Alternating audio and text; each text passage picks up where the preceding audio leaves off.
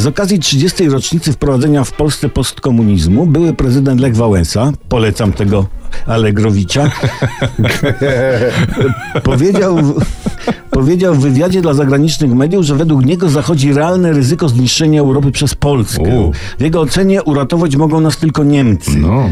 E, Wtedy, on tak mówił Lechu, wtedy wielkie zadanie stanie przed Niemcami. My nie mamy takiej siły, ale Niemcy są tym krajem, który pełni przywódczą rolę w Europie. Niemcy muszą mieć plan.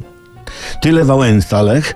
To prawda, to prawda, ale jakiś poważny plan, prawda? Jak napadali na Związek Radziecki, żeby pokonać Józefa Stalina, to mieli poważny plan o nazwie Barbarossa bodajże, prawda? No, gdyby ten plan nazywał się Zajebć Juska, nie? No to nie byłby poważny plan. No, ten. Tylko ktoś mógłby zapytać teraz, no dobra, ale kto miałby zaprosić do nas Niemców? A trzeba zapraszać? Kiedyś Konrad Mazowiecki zaprosił do Polski krzyżaków, nie no, przedstawił swój plan rycerzom, ani do niego, kondzio, kurna, oszalałeś? Krzyżaków, nie lepiej apaczów albo tenisistów, kogokolwiek.